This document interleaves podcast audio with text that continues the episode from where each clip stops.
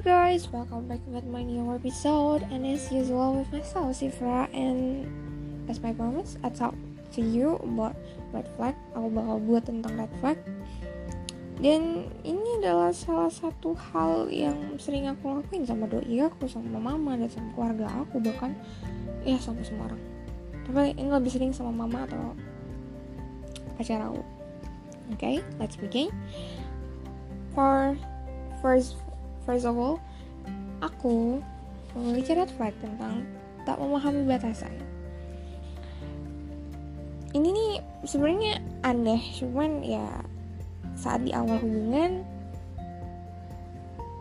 aku tuh gimana ya gak bisa untuk memahami batasan-batasan. It's not talking about lust but it's talking about communication communication ya pasti butuh batasan kurun waktu untuk gak jenuh gak bosan dan segala macam dan aku tuh karena sebelum bisa berubah sebelum aku bisa ngerti aku menganggap yang namanya pacaran yang namanya relationship itu harus chat terus tiap hari harus chat dan itu dulu aku mikir kayak gitu ya. Tapi sekarang aku ngerti semua itu butuh batasan aku selalu ngeharapin doi aku waktu itu untuk telepon terus untuk chat terus pokoknya komunikasi terus. Atau kalau bisa ketemu terus. Ya batasan bukan hanya sekedar seksual yang seperti aku bilang tapi bisa berupa ruang personal memaksa kamu untuk berbuat sesuatu meski kamu belum yakin bahkan juga bisa berubah berupa tidak menghargai waktu kamu untuk sendiri ini yang aku lakuin waktu itu. Terus in second aku selalu memeriksa dia secara berkala. Ya kadang perbedaan antara perhatian yang sehat dan tidak sehat itu sangat tipis. Kamu bisa melihatnya dengan cara melihat sikapnya saat kamu telah memberi kabar.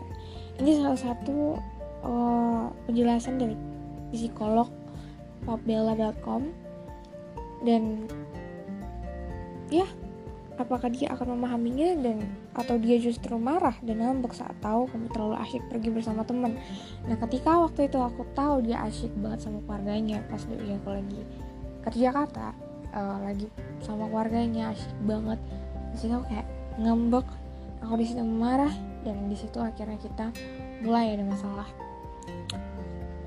Red flag yang ketiga aku selalu pengen diprioritaskan siapa sih yang gak mau diprioritaskan?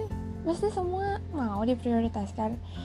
Dan aku sampai nyindir dia lewat close friend tentang prioritas. Kalau nggak salah aku talking aku ngomong tentang uh, sibuk itu bullshit. Pokoknya tentang itu sibuk itu bullshit itu tergantung dia ngeprioritasin kamu atau enggak aku sampai kesel kok dia nggak mau ya ngomong sama aku? Kok aku nggak diprioritaskan segala macem? Di awal hubungan kamu tentu ingin menghabiskan banyak waktu dengan dia tapi jika dia meminta kamu untuk terus bersamanya lebih dari lima kali dalam seminggu itu bisa menjadi salah satu red flag. Ini penjelasannya. Contoh red flag lainnya ketika dia meminta kamu untuk lebih sering bersamanya sehingga kamu tak punya waktu bersama teman atau keluarga. Kamu diminta mengikuti apa yang dia suka sehingga perlahan-lahan kamu melupakan apa yang sebenarnya kamu suka. Ketika dalam hubungan, aku atau siapa pun selalu meminta kamu untuk memprioritaskan dirinya tapi kamu sendiri tidak dapat porsi yang sesuai, itu udah jelas red flag. Mereka hanya menginginkan perhatian dari kamu, tapi dia tidak bisa dan atau tidak mau memberikan perhatian yang sama. Ini adalah aku. Oke, okay, yang lainnya, red flag yang lain, aku pencemburu sebenarnya ini nggak terlalu mencolok dalam hubungan aku. Mungkin kadang-kadang aku cemburu ya.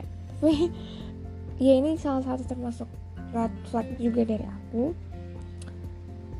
Nggak sesering itu tapi aku lebih sering bermasalah di bagian. Aku selalu pengen diprioritaskan memaksa memaksa dia secara berkala nggak memahami batasan. Lebih sering itu untuk yang lain mungkin aku sering membicarakan hal buruk tentang hal apa pun lah di sekitar aku. Nganggap orang caper dan segala macem. Dan aku bahas itu ke doi aku. Mungkin doi aku kan gak nyaman ya kalau aku ngomong kayak gitu terus. Tapi ya salah satu red yang aku buat sebelum aku berubah kemarin. Kenapa aku bisa berubah? Salah satu bentuk terapi yang aku alamin itu aku dikasih ruang doi aku untuk aku nggak usah uh, banyak komunikasi waktu itu. Sampai bisa seharian sampai besoknya itu nggak berkomunikasi. Kita bukan perang dingin kita bukan lagi sedang marahan tapi kita sedang memberi ruang untuk masing-masing. So dari situ aku bisa terapi dan aku bisa diajak kakak sepupu aku untuk ngomong banyak hal dan mindset aku diubah juga oleh keluarga aku keluarga aku tahu aku ya, punya pacar yang baik banget bagi keluarga aku. Dan keluarga aku tahu kalau aku masih punya mental yang buruk seperti anak kecil. Hasil selama berapa, berapa minggu waktu itu aku diterapi sama keluarga aku. Ya masih banyak hal lain red flag yang aku buat sehingga buat doi aku nggak nyaman. Aku selalu overthinking dan selalu depend sama dia terus. Padahal kan aku nggak boleh depend sama orang kan. Kita nggak boleh untuk depend sama manusia yang yang kita tahu adalah kita must depend on God only like. Cuman yang buat aku kadang kesel karena I have daddy issues it makes me feel like I want attention more and more and more. Ya aku tahu emang kadang berlebihan apalagi aku yang punya mental seperti anak kecil I need attention. Apa pun yang aku lakuin aku pengen perhatian apresiasi dan segala macam. Dan I always show him. To pay me attention. Aku pengen dia apresiasi aku pengen di support. Kenapa kamu gak support aku? Kenapa kamu gak kasih apresiasi sama aku? Hal kecil yang aku buat positif. Kenapa kamu gak bisa apresiasi? Because I I consider him as my father and as my boyfriend too in the same time. Dan itu buat tanggung jawabnya seperti kayak semakin banyak. Tapi setelah dikasih ruang akhirnya dia bisa untuk uh, menolong aku dan aku juga bisa berubah dikit demi sedikit yang aku lakuin I'm not really change change it karena masih ada hal red flag yang masih aku buat tapi pelan-pelan mungkin bisa aku ubah. For your information untuk kalian perempuan who hear who listen this podcast dan aku cuma kasih pesan ke kalian kalian boleh overthinking all day long dan segala macam all nights in the middle of the night or etc kalian boleh overthinking. Tapi overthinking kalian tuh belum tentu benar. Karena yang bakal pasti benar itu hanya rencana Tuhan. I'm not talking about uh, holy sermon. No, I'm not talking about that, but I'm talking about your mental. Karena itu berefek sama mental kalian. Jadi nanti kalian bakal stres sendiri, kalian ya will have anxiety, mental illness dan segala macam yang udah aku rasain duluan gitu. Mungkin dari kalian ada yang sama kayak aku.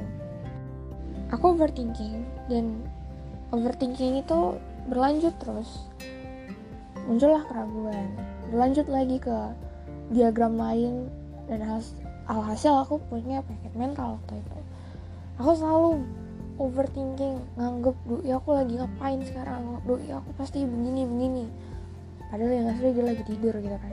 Itu kan lucu banget gitu kan. Nggak mungkin kan uh, dia bakal begitu. Mungkin bisa jadi uh, karena banyak orang bilang yang asal riset yang aku dapetin.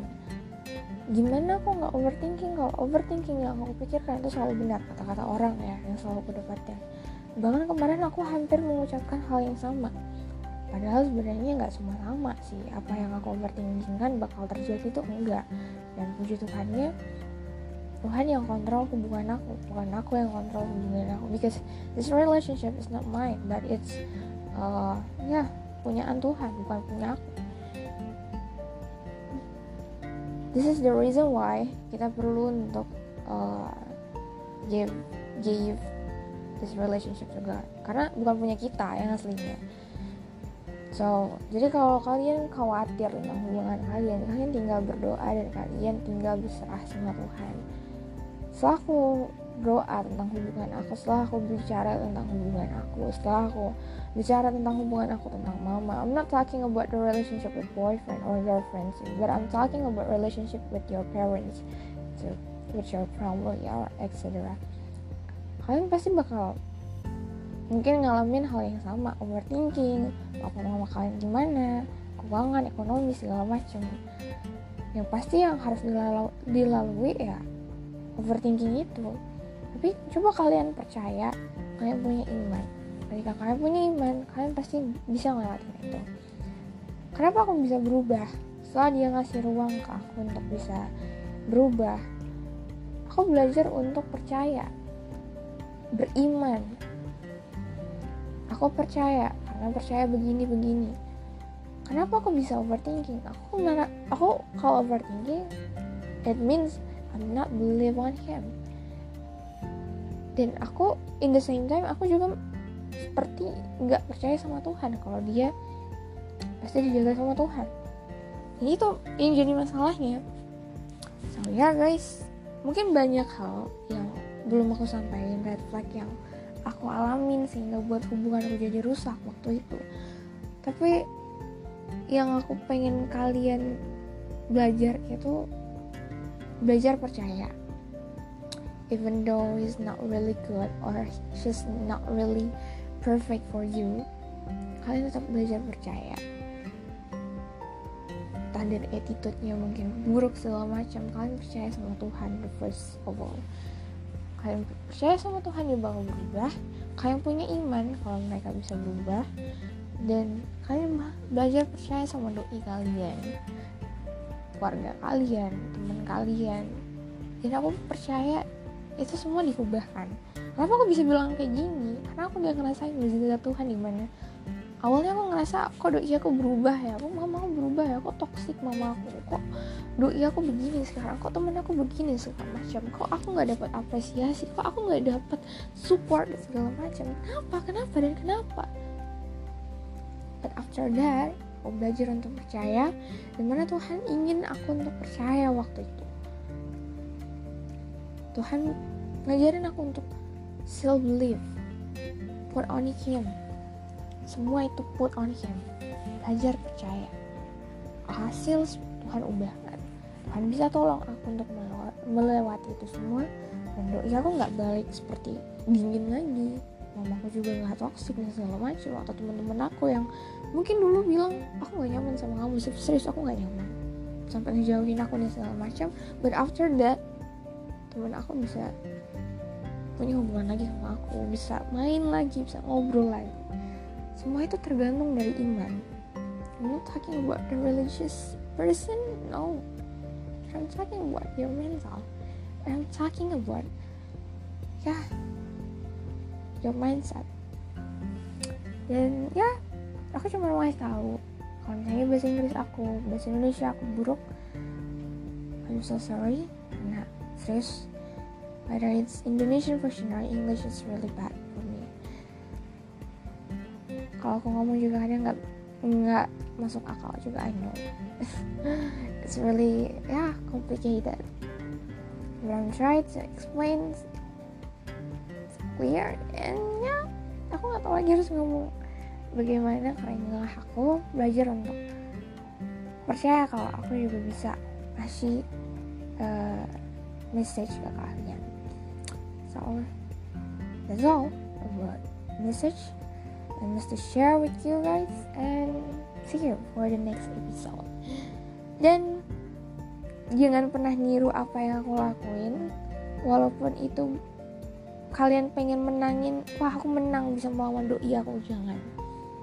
Yang namanya relationship is talking about being partner not talking about your enemy being enemies for her for him. Enggak tapi being partner being best, best friend. Yang namanya hubungan kayak gini dia jadi partner dia bisa jadi sahabat dia bisa jadi uh, ayah atau ibu dia bisa jadi pacar. Pokoknya dalam setiap hubungan itu pasti semua status tuh ada di di dalam dia. Paham gak sih maksudnya? Kalau misalnya kalian lagi kesusahan kalian bisa jadi sahabat kalau kalian misalnya lagi sayang-sayangan bisa jadi seperti seorang suami istri dan segala macam. I'm not talking about sexual right?